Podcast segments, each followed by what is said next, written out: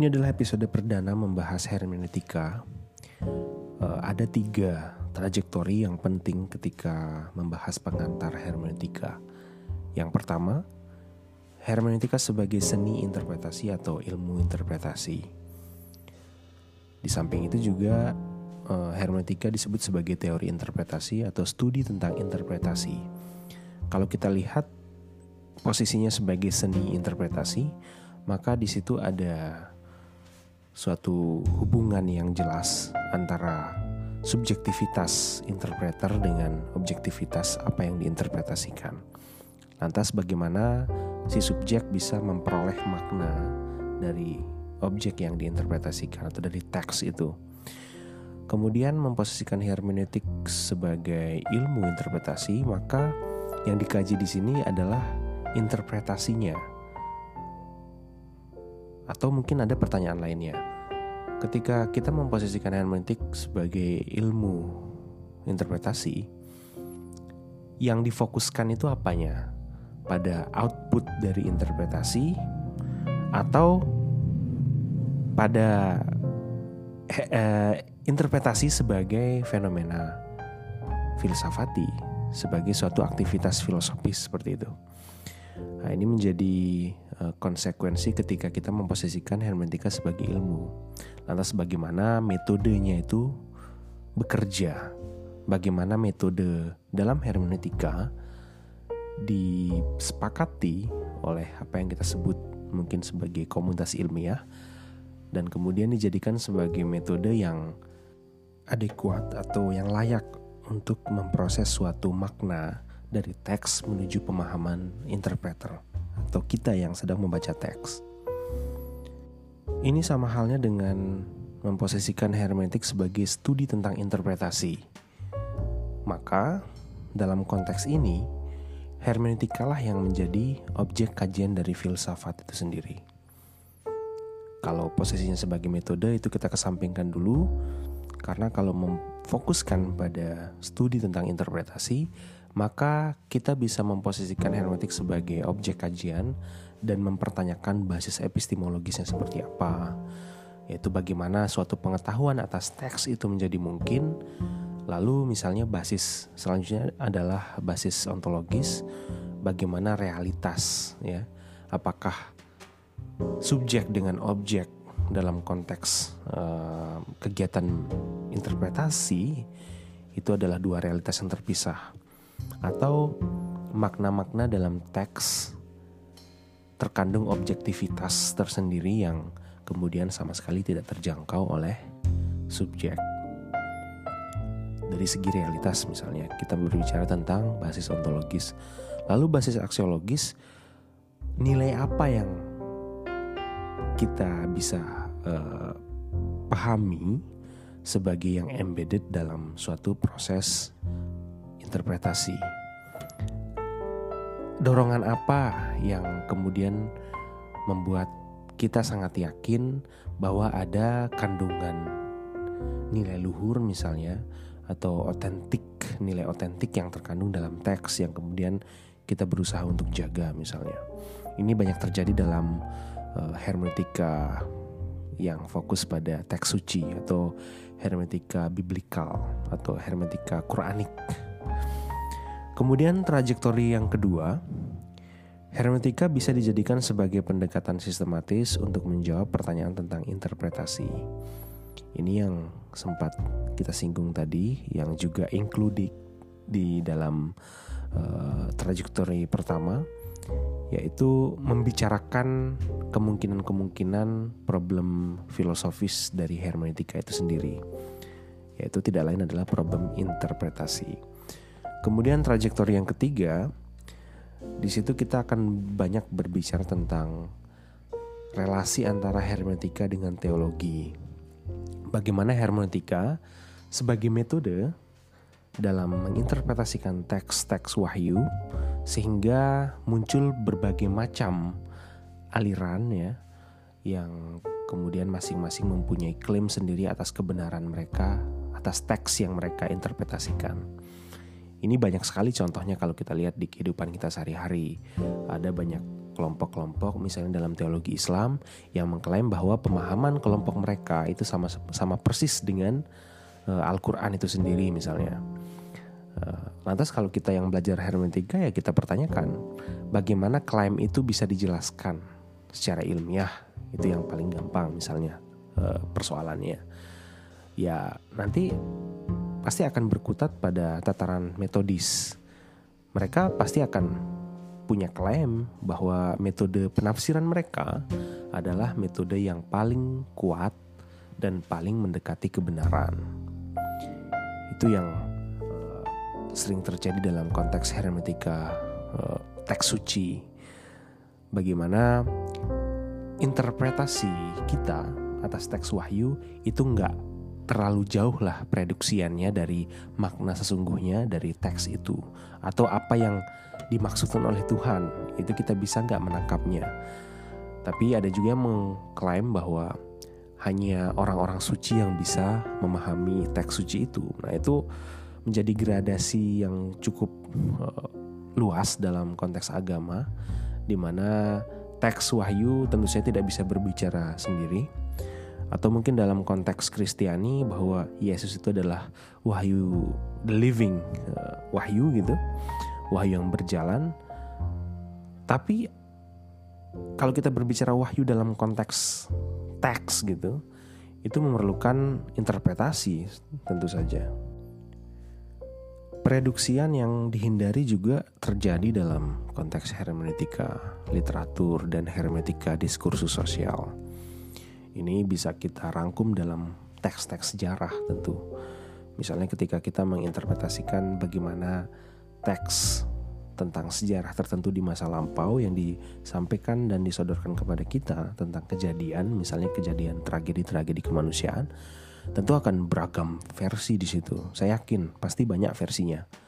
Contoh lah misalnya sejarah Palestina ya, sejarah negara Israel, sejarah PKI itu sampai sekarang menjadi perdebatan dan para sejarawan kemudian mengembangkan seperangkat metode yang uh, kemudian mereka bisa menjamin kebenarannya secara ilmiah, kebenaran dari kejadian faktawi itu, kejadian tentang uh, G30 SPKI misalnya, atau kejadian tentang bagaimana asal mula bangsa Yahudi menempati tanah yang dijanjikan yang mereka yakini itu, yang kemudian berbenturan dengan para uh, masyarakat asli lah orang asli di sana yang lebih dulu menempati itu yaitu orang-orang Palestina itu misalnya.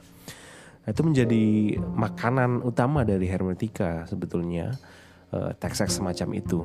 Di mana uh, agaknya yang paling seru adalah hermetika diskursus sosial. Nanti itu sangat uh, erat kaitannya dengan tradisi-tradisi postmodernis seperti teori dekonstruksionisme yang diajukan oleh Derrida yang banyak digunakan oleh teman-teman sastra untuk mengkaji teks-teks sastra. Oke, seperti itu trajektori ketika kita belajar hermeneutika uh, secara garis besar ya, saya bisa simpulkan hermeneutika itu terbagi menjadi dua ya. Yang pertama, hermeneutics as a method, hermeneutika sebagai metode interpretasi dan hermeneutika filosofis atau hermeneutika sebagai filsafat itu sendiri seperti yang digaungkan oleh filsuf-filsuf pasca Heidegger, terutama Hans Georg Gadamer.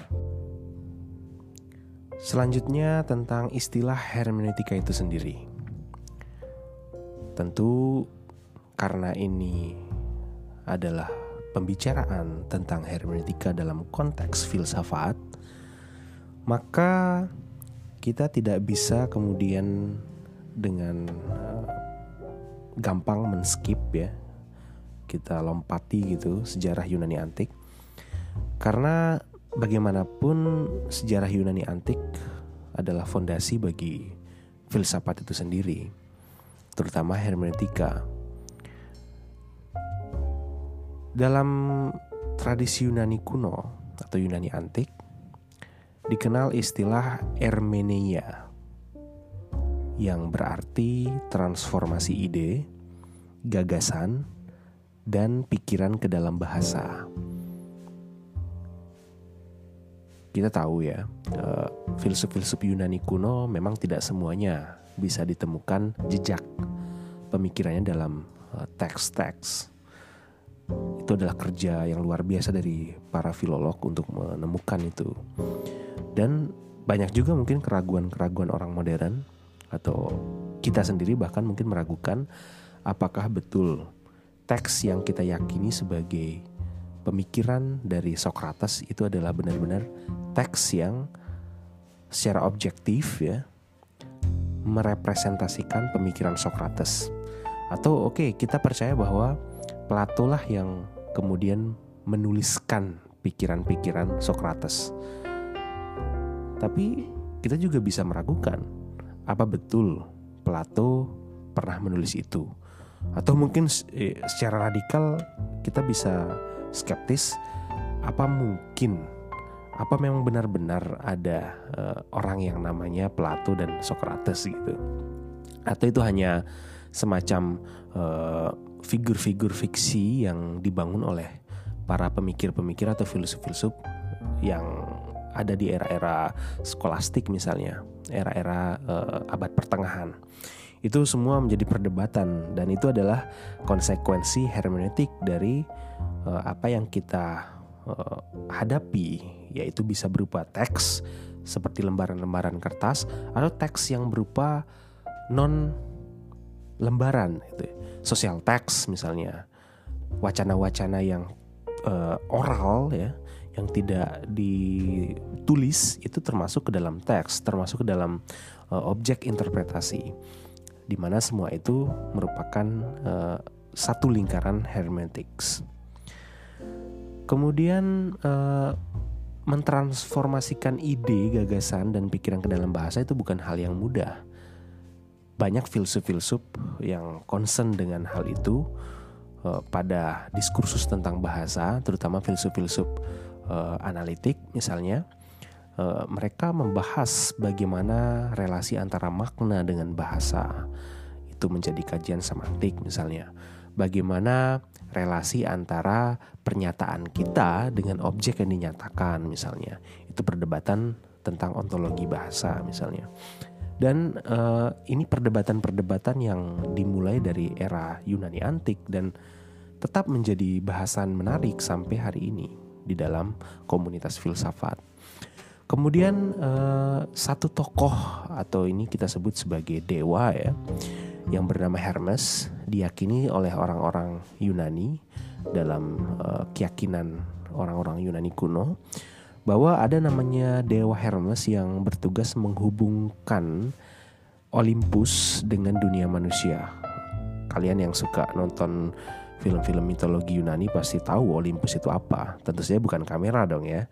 Olympus itu adalah semacam uh, dunia para dewa yang ada jauh di sana yang uh, transenden dari uh, alam kita yang dihuni oleh para dewa-dewa. Uh, setahu saya dewa tertingginya itu namanya Kratos ya bapaknya Zeus, bapaknya Hades, bapaknya Poseidon. Kemudian ada Underworld dan lain sebagainya yang dihuni oleh Hades. Jadi ada dewa bernama Hermes yang bertugas ibarat malaikat Jibril yang bertugas mengantarkan wahyu, menyampaikan wahyu dari Tuhan kepada nabi. Seperti itulah mirip ya uh, si dewa Hermes ini.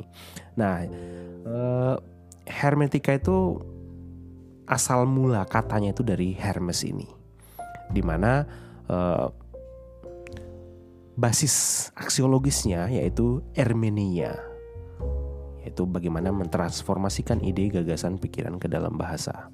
Sekaligus juga nanti kita bisa mempersoalkan uh, landasan epistemologis dan ontologisnya. Kemudian uh, istilah hermeneutics juga dikaitkan dengan istilah mantike yaitu interpretasi pernyataan para dewa oleh orakel. Seperti tadi ya di dalam semua agama pasti ada proses interpretasi yang dilakukan oleh manusia ya, orang-orang terpilih atau orang-orang suci terhadap teks itu, teks suci. Kemudian oke okay, kalau dalam konteks agama-agama Abrahamik ada nabi yang kemudian memperoleh wahyu dan kalau nabi itu diyakini mungkin sebagian besar orang meyakini bahwa tidak mungkin seorang nabi salah dalam mengartikan menginterpretasikan pesan dari Tuhan. Yang kemudian ada kemungkinan besar untuk bisa benar dan salah yaitu uh, orang-orang yang non nabi yang bukan uh, nabi yang juga bisa disebut sebagai orang-orang uh, suci atau para agamawan itu.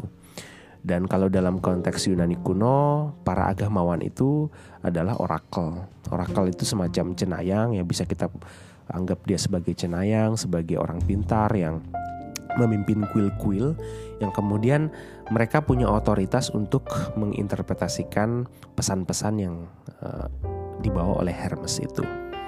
Seperti apa uh, detailnya silahkan kalian cari sendiri ya bagaimana kisah-kisah tentang uh, para orakel dalam uh, menginterpretasikan apa maksud dari Hermes ketika membawa pesan dari Olympus.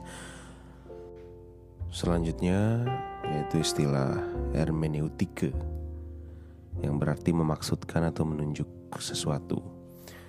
Di sini ditekankan bahwa tindakan hermeneutis atau aktivitas hermeneutik selalu melibatkan intensionalitas subjek.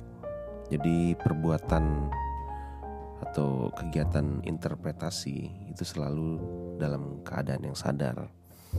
Selalu dalam kondisi yang directed at yang mengarah pada sehingga ada intensionalitas subjek yang kemudian terkonsentrasi di situ sehingga tidak heran jika Gadamer contohnya mengatakan bahwa hermeneutika itu adalah fusi horizon dialektika dari horizon penafsir dengan horizon autor si pembuat teks atau si pencipta teks. Kemudian istilah berikutnya aletheia artinya pengungkapan hidden meaning yang juga menjadi ciri khas dalam hermeneutika.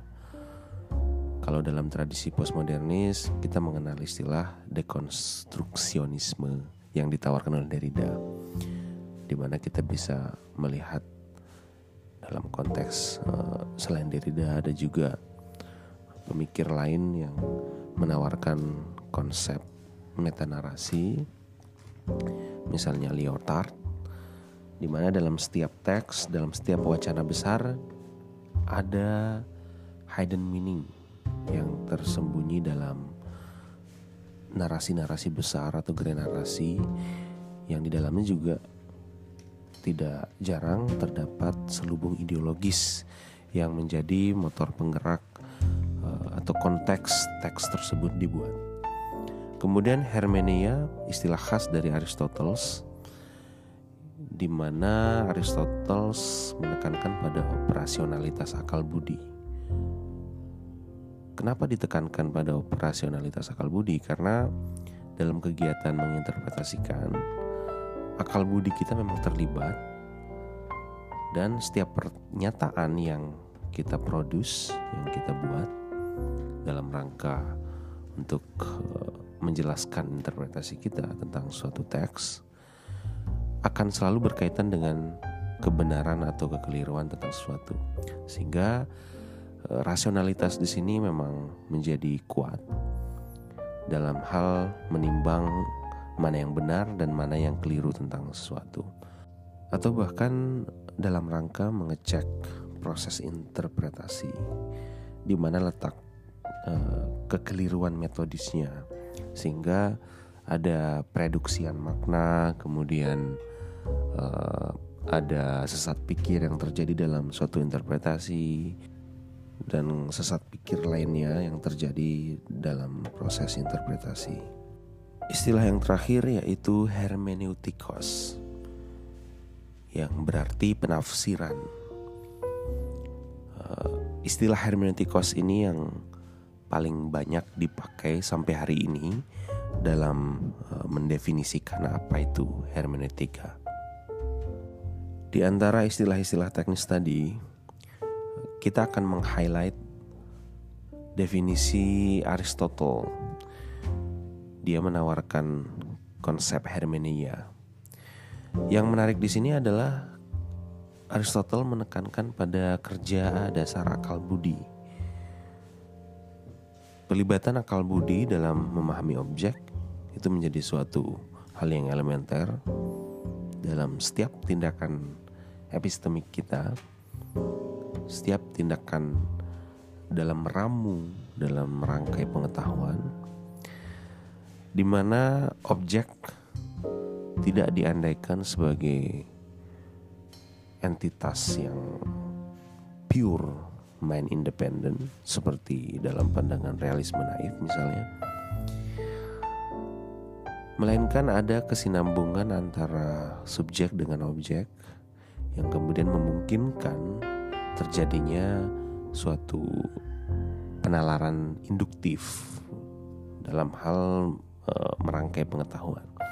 Sehingga pelibatan pengalaman memang menjadi satu hal yang niscaya dalam hubungan subjek dengan objek karena subjek memerlukan pengalaman untuk bisa memahami objek. Kemudian kerja dasar akal budi juga berfungsi untuk membentuk dan memilah atau mengkategorisasikan ide. Ini yang menjadi core dari filsafat kalau kita merujuk kepada Aristotle. Inti dari filsafat mungkin kalau orang e, tertarik belajar filsafat, kemudian dia bertanya pada e, sarjana filsafat, dosen filsafat atau mungkin mahasiswa-mahasiswa filsafat akan sangat banyak ya definisi tentang filsafat. Kita bisa menemukan beragam definisi. Tetapi uh, mungkin teman-teman di sini yang baru mulai terjun atau belajar filsafat, salah satu yang menjadi hal bisa dibilang paling esensial dalam filsafat yaitu kategorisasi itu. Dan ini sudah uh, banyak kita dengarkan dalam pemikiran-pemikiran filsuf-filsuf mulai dari yang filsuf-filsuf yang pemikiran filsafat itu sebagai tool of thoughts, sebagai tools untuk berpikir, atau mungkin filsuf-filsuf lain yang lebih memposisikan filsafat sebagai way of life, sebagai pandangan hidup. Kategorisasi ini salah satu contohnya kita membedakan mana yang partikular, mana yang universal. Mana yang menjadi partikularitas dari teks, mana yang menjadi universalianya.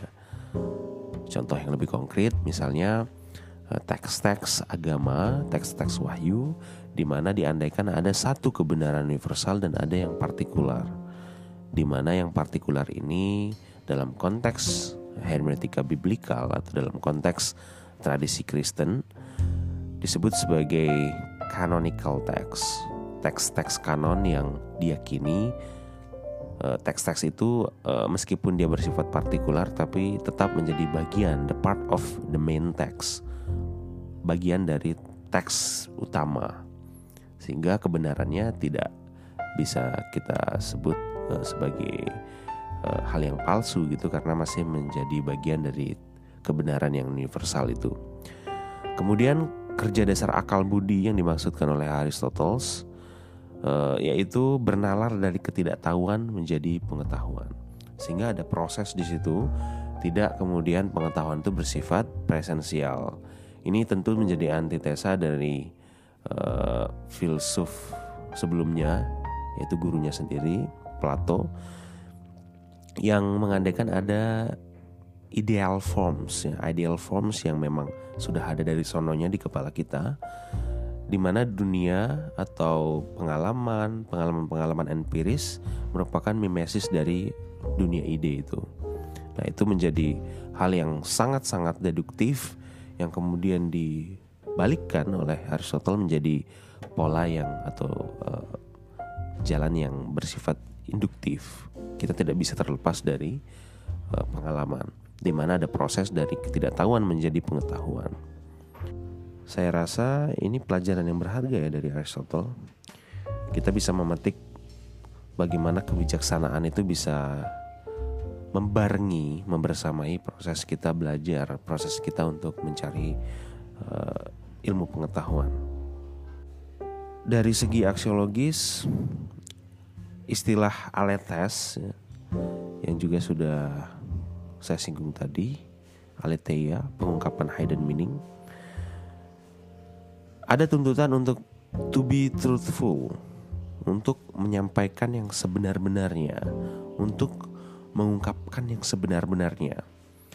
Kemudian berbicara tentang kebenaran itu menjadi suatu dorongan yang uh, mungkin ini terdengar sangat normatif, tapi memang dalam setiap proses interpretasi itu ada muatan aksiologisnya, di mana setiap penafsir pasti ada dorongan untuk salah satu yang paling lumrah yaitu menjaga kemurnian dari interpretandum itu dari teks yang dia interpretasikan yang dalam konteks keagamaan ini menjadi hal yang sangat-sangat lumrah di mana metode interpretasi dibangun dalam rangka untuk menghadirkan kebenaran objektif dari teks itu.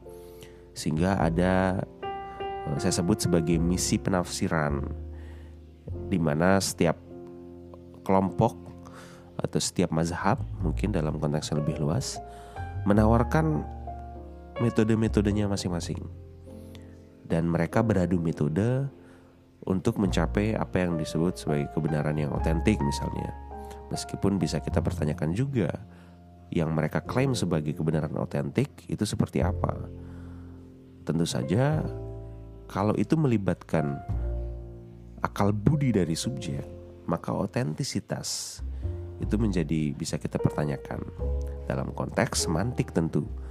Tapi dalam kerja ag eh, agama tentu ada kebenaran yang memang ada jauh di sana kebenaran transendental yang memang tidak terjangkau oleh manusia sehingga penafsiran kita memang tidak pernah bisa 100% seperti kebenaran objektif dari wahyu itu dari teks atau misalnya Quran atau Bible bagi yang meyakininya. Kemudian selain aletes, muatan aksiologis dalam hermeneutik kita mengenal istilah empathic understanding. Ada rasa-rasa tertarik dengan autor, kemudian kita lanjut menginterpretasikan apa yang ditulis atau apa pikiran yang dituangkan ke dalam teks oleh autor tersebut. Contoh yang paling sederhana ketika kita jalan-jalan ke toko buku, kemudian kita random aja pilih uh, rak-rak buku, sering kali acuan utamanya yaitu penulis.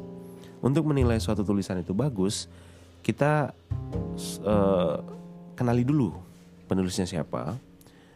Kalau penulisnya misalnya sudah kredibel, sudah punya track record yang bagus dalam penulisan ilmiah, dalam bidang yang ia tekuni, maka kemungkinan besar bukunya itu bisa menjadi uh, hal yang menarik atau kita bisa menemukan hal-hal baru di bukunya.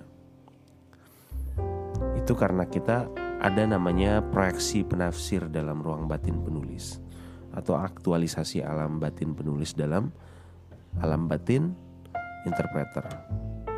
Sehingga ada hubungan dialektik ya, antara pengarang dengan penafsir.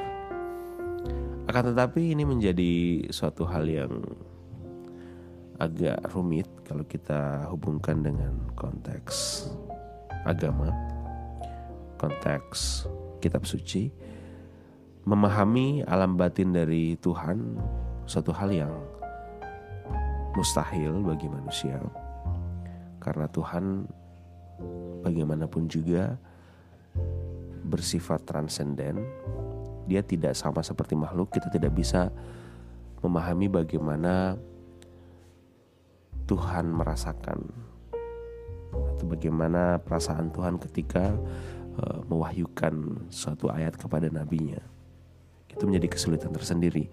Tapi uh, muatan aksiologis yang berupa empathic understanding itu sangat memungkinkan ketika kita membaca dan menginterpretasikan teks-teks sejarah atau novel. Di mana jelas di situ ada keterlibatan dari horizon pengarang yang kemudian kita bisa pahami ketika Soekarno misalnya menulis buku uh, tertentu atau misalnya Karl Marx menulis Das Kapital, background sejarahnya seperti apa, apa yang mempengaruhinya. Kemudian setiap uh, istilah teknis yang dia libatkan seperti misalnya opium, apa sih maknanya opium itu dalam konteks zamannya? Karl Marx. Itu menjadi hal yang penting untuk uh, diperhatikan. Karena bisa jadi kritikan Marx terhadap agama yang kemudian dikaitkan dengan bagaimana dia menganalogikan agama sebagai opium atau candu berbeda pemaknaannya di zamannya Marx dengan di zaman sekarang. Siapa tahu di zaman Marx opium tidak separah pemaknaannya seperti yang di zaman sekarang. Sehingga ini menjadi ruang bagi para agamawan, kita sebut saja para believer secara uh, umum untuk uh, tidak terlalu memposisikan pemikiran Karl Marx sebagai pemikiran yang sangat-sangat antagonis terhadap agama sehingga ada ruang untuk kebermanfaatan pemikiran Marx sebagai otokritik terhadap orang-orang beragama. Contohnya relasi kuasa yang tidak simetris atau ketimpangan relasi kuasa yang kemudian menjadi kontraproduktif dengan nuansa pembebasan, dengan visi pembebasan dari agama itu sendiri, sehingga didomestifikasi, dijadikan komoditas ekonomi, dan dijadikan sebagai pelanggeng kekuasaan semata. Kembali ke pembahasan tentang hermeneutika sebagai studi interpretasi ada konsekuensinya jika memposisikan hermeneutika sebagai studi interpretasi. Jelas bahwa objeknya itu adalah interpretasi. Konsekuensi yang saya maksud di sini adalah kerja hermeneutika akan menjadi bercabang. Yang pertama misalnya pada proses penafsiran, kemudian pada tujuan dari penerapan metode hermeneutics dan kebenaran metode itu sendiri. Sehingga ini menjadi concern juga bagi uh, para pemikir hermeneutika. Contohnya misalnya Gadamer yang concern terhadap bagaimana metode itu bekerja. Atau ketika kita memposisikan hermeneutika sebagai metode, apa konsekuensinya? Gadamer bilang kalau posisi hermeneutika sebagai metode akan membuat kita berhadapan pada persimpangan jalan mau memilih membenarkan metode itu atau mencapai kebenaran teks kebenaran makna teks itu kemudian uh, penting dan berguna sebetulnya ketika kita melihat bagaimana hermeneutika berkembang sebagai suatu studi penafsiran atas teks-teks suci, atas kitab suci misalnya.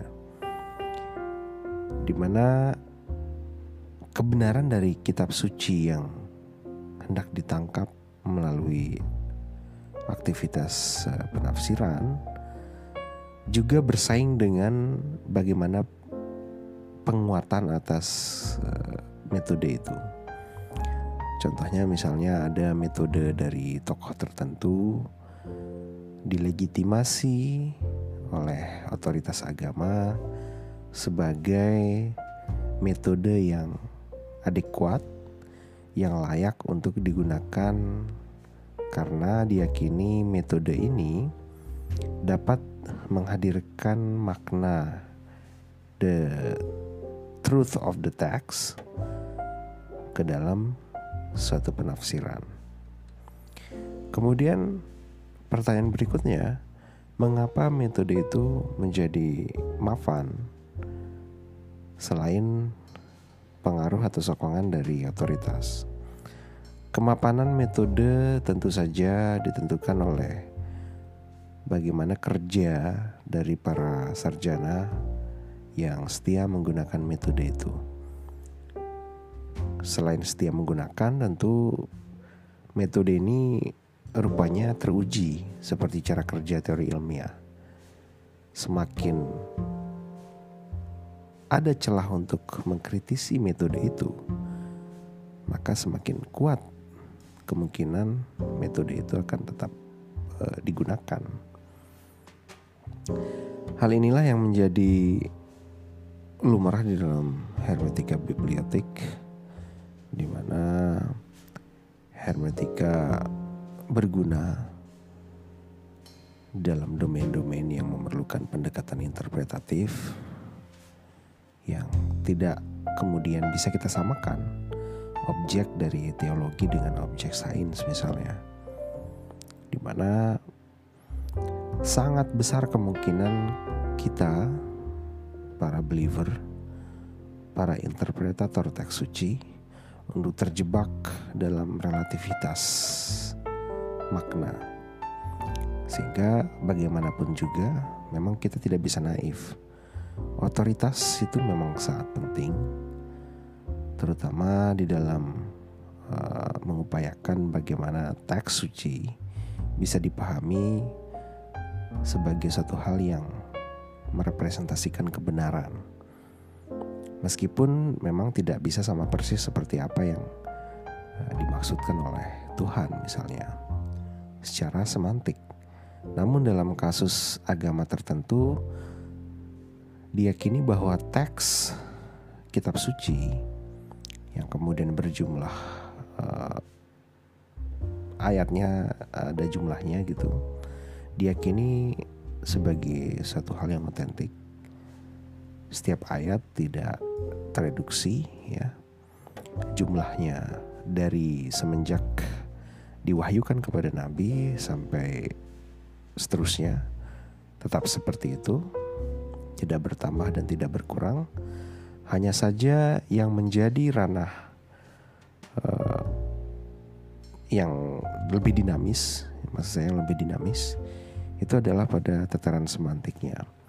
Karena sederhananya ketika suatu objek terintensikan oleh kesadaran dan pikiran manusia, maka wacana, makna, yang terefleksikan dari objek itu dikarenakan melibatkan kesadaran dan pikiran manusia, maka akan menjadi plural pemaknaannya. Tidak mungkin singular. Karena kita tahu bahwa setiap subjek memiliki sejarah pengaruh yang berbeda-beda, memiliki horizon yang berbeda-beda sehingga penafsirannya pun akan menjadi berbeda-beda. Namun uh, relativitas itu memang tidak terlalu baik untuk uh, setiap proses interpretasi karena akan mereduksi keunikan dari subjek. Bagaimanapun juga ada otoritas yang kemudian uh, menghendaki suatu interpretasi seperti tertentu gitu dan interpretasi itu tetap bisa dikawal. Itulah yang terjadi dalam konteks agama. Kita ada skema misalnya. Ada Bible atau kitab suci lainnya akan selalu berhadapan dengan diskursus sosial dan research methods, metode penelitian. Sebagai studi interpretasi, hermeneutika memang dipakai untuk menafsirkan Bible, misalnya dalam sejarah. Sehingga dikenal prinsip umum yang berlaku pada penafsiran atau metode penafsiran yang dianggap paling proper untuk menghadirkan kebenaran teks suci itu. Kemudian sebagai studi interpretasi juga mencakup ranah diskursus sosial di mana hermeneutika juga bisa dibicarakan dan dilibatkan dalam human sciences, ilmu-ilmu tentang manusia, kemudian social sciences dan tentang kemanusiaan lainnya. Karena apa? Karena ciri khas dari hermetika adalah empathic understanding tadi dan prasyarat lainnya yang sangat-sangat primer yaitu intensionalitas subjek.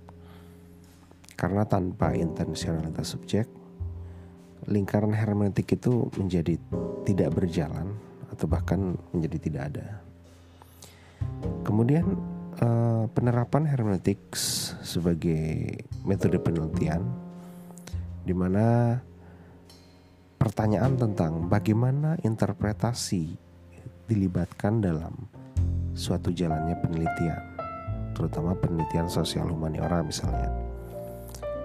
Dalam beberapa kasus, istilah yang paling sering digunakan misalnya dalam konteks penelitian filsafat yaitu istilah Verstehen yang dalam bahasa Jermannya uh, kalau kita alihkan ke bahasa Indonesia maksud saya Verstehen artinya adalah memahami ya, paham bagaimana kita memahami? Bagaimana kita memahami teks? Dan di dalam uh, metode penelitian hermetika menempati posisi misalnya untuk penguatan pada studi pustaka pada literatur studiesnya untuk memperkuat state of the art penelitian. Sehingga kita bisa tahu letak penelitian yang kita lakukan atau tesis yang kita tawarkan letaknya di dalam konstelasi uh, topik yang relevan itu ada di mana. Misalnya saya meneliti tentang uh, sosiologi agama misalnya. Saya menawarkan tesis bahwa agen-agen di dalam umat beragama terkonstruksi sedemikian rupa melalui struktur tanda misalnya. Nah, tesis saya itu bisa saya cek dan saya pahami relasi atau korelasinya dengan problem-problem lainnya yang masih serumpun itu seperti apa. Nah, kita bisa mengetahuinya melalui uh, kerja hermeneutics di sini. Tentu ini akan sangat panjang kalau kita bahas di sini bagaimana posisi hermeneutika sebagai research method, maka uh, akan kita singkat saja. Selanjutnya, uh, ini secara singkat karena bersifat pengantar Trajektori kedua yaitu Hermetics as Philosophy. Hermetika sebagai filsafat. Pertanyaan yang korelat dengan problem kefilsafatan. Tentu memposisikan hermetika sebagai filsafat adalah suatu upaya meradikalkan hermetics dari yang hanya sebatas sebagai metode interpretasi teks suci misalnya ditarik ke dalam jangkar yang lebih radikal yaitu jangkar filsafati kemudian dipertanyakan basis epistemologisnya, basis ontologis, kemudian basis aksiologisnya. Misal, apa hakikat interpretasi? Hubungan antara pemahaman, makna, dan kebenaran. Nah, artinya apa? Hermeneutika sebagai filosofi atau sebagai filsafat, uh, maksudnya itu apa?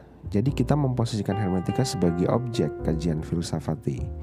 Tentu saja pendekatannya adalah sistematika filsafat atau filsafat sistematik yang terdiri dari metafisika atau ontologi, kemudian aksiologi dan epistemologi. Perlu dibedakan ya antara hermeneutics becomes philosophical dan philosophy itself comes to be seen as hermeneutical atau secara singkatnya hermeneutical philosophy and philosophical hermeneutics. Nah, kalau hermeneutical philosophy berarti kita mensifatkan filsafat dengan sifat-sifat hermeneutics. Lalu kalau philosophical hermeneutics berarti menarik hermetika ke jangkar filosofis di mana yang semulanya posisinya hanya sebatas sebagai metode penafsiran, kemudian dipersoalkan basis ontologisnya uh, tentang bagaimana relasi antara subjek dengan objek, bagaimana status ontologis dari makna itu dalam teks, ya, bagaimana otentisitas dan lain sebagainya. Di situlah kemudian uh, yang menjadi tonggaknya ya, sebetulnya dimulai dari era Heidegger yang kemudian dilanjutkan oleh Gadamer. Adapun tentang problem hermeneutika filosofis, kita bisa membaginya ke dalam tiga problem utama. Yang pertama problem ontologis tentang bagaimana makna dalam teks menempatkan diri dalam realitas, atau makna dalam teks ini ada di dalam kategori realitas yang mana. Kemudian problem epistemologis itu kaitannya dengan hakikat dan kemungkinan interpretasi bagaimana keterjangkauan subjek atas objek yang diinterpretasikan. Bagaimana interpretasi itu menjadi mungkin? Apa yang membuat ia menjadi mungkin dan tidak mungkin? Kemudian yang kedua yaitu problem teks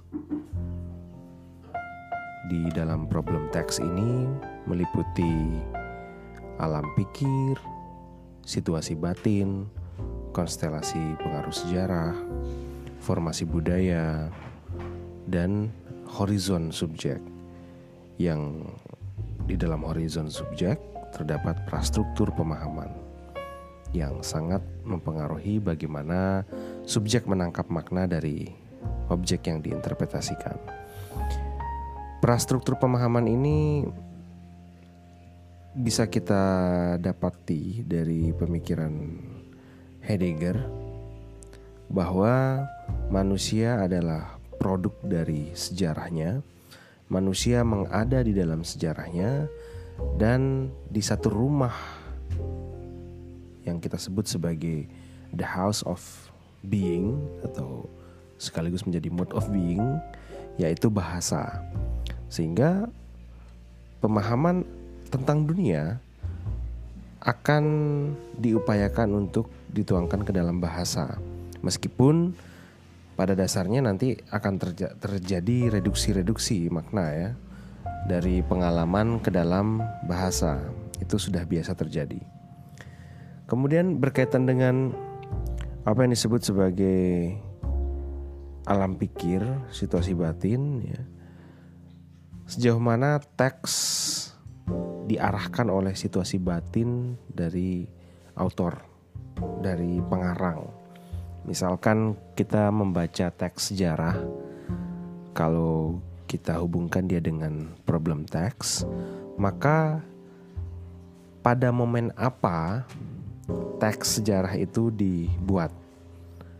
Situasi batin apa yang membuat penulis atau pengarang atau autor mengarang tulisan itu atau menuliskan suatu kejadian sejarah.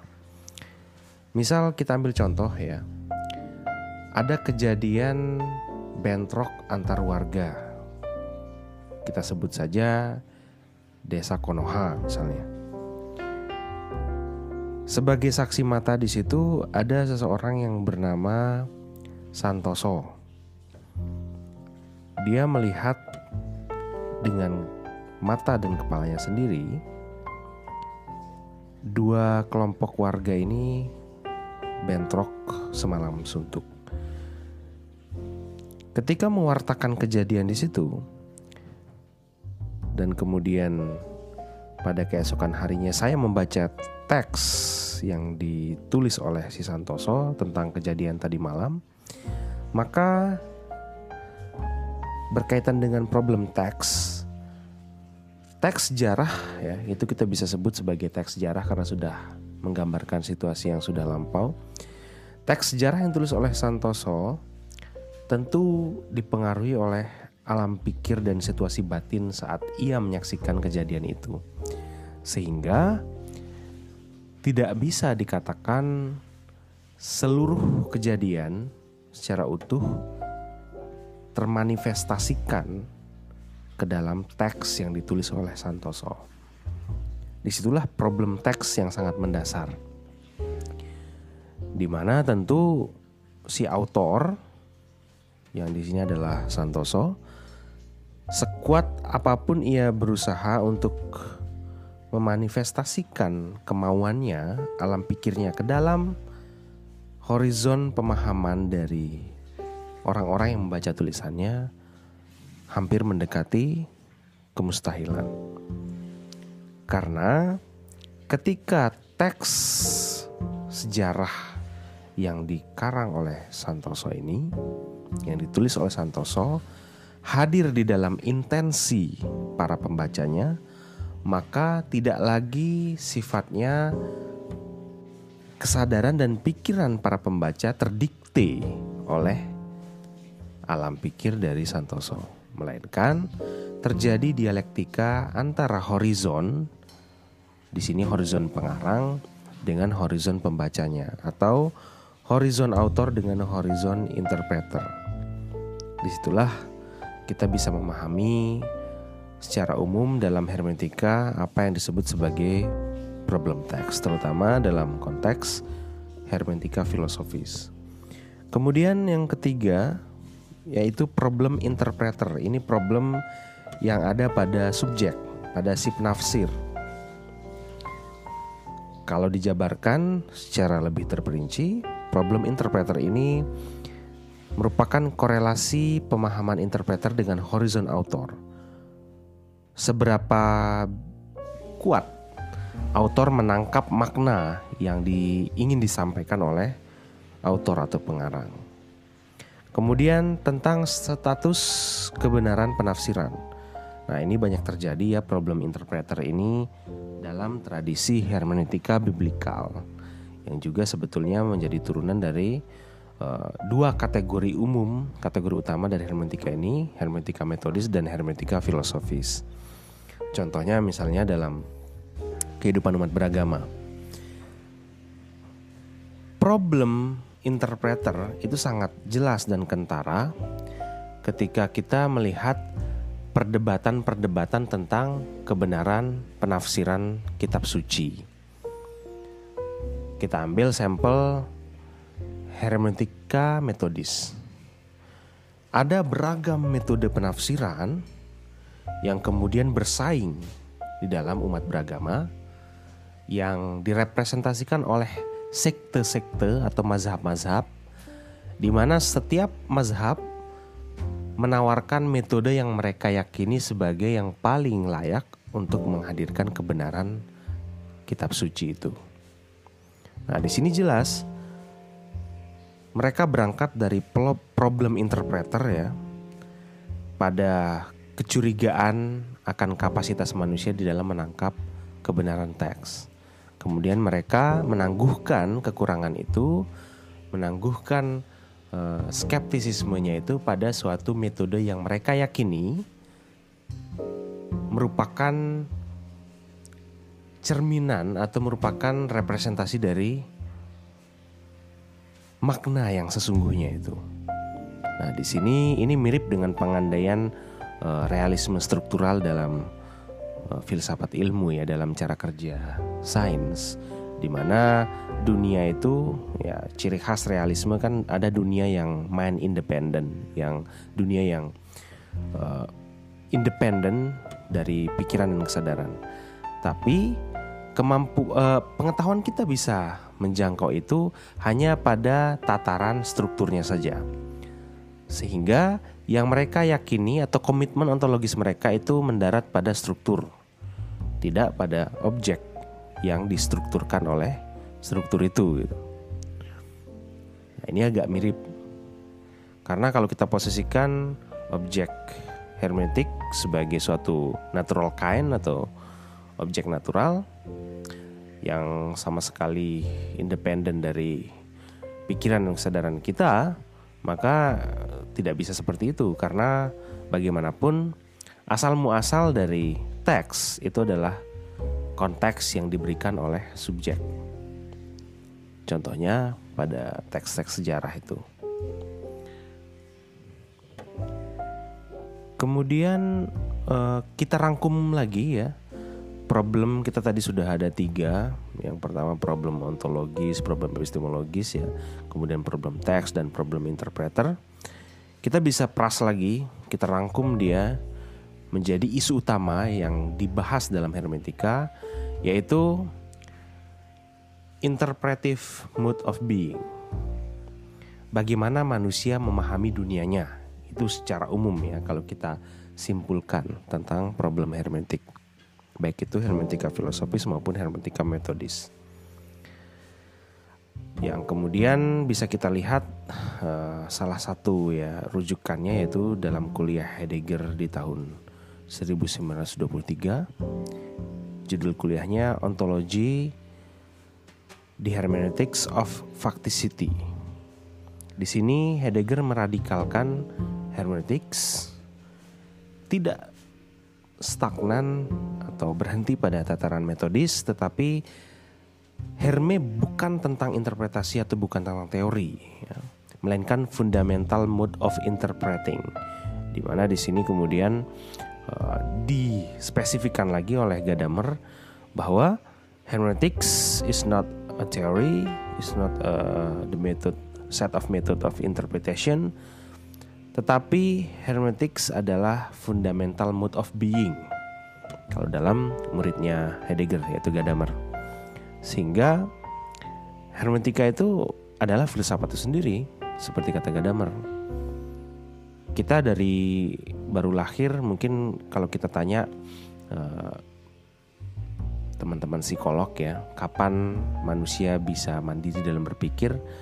Nah, di usia berapa itu? Nah, dimulai dari situ sampai otaknya tidak mampu lagi mencerna atau memproses informasi.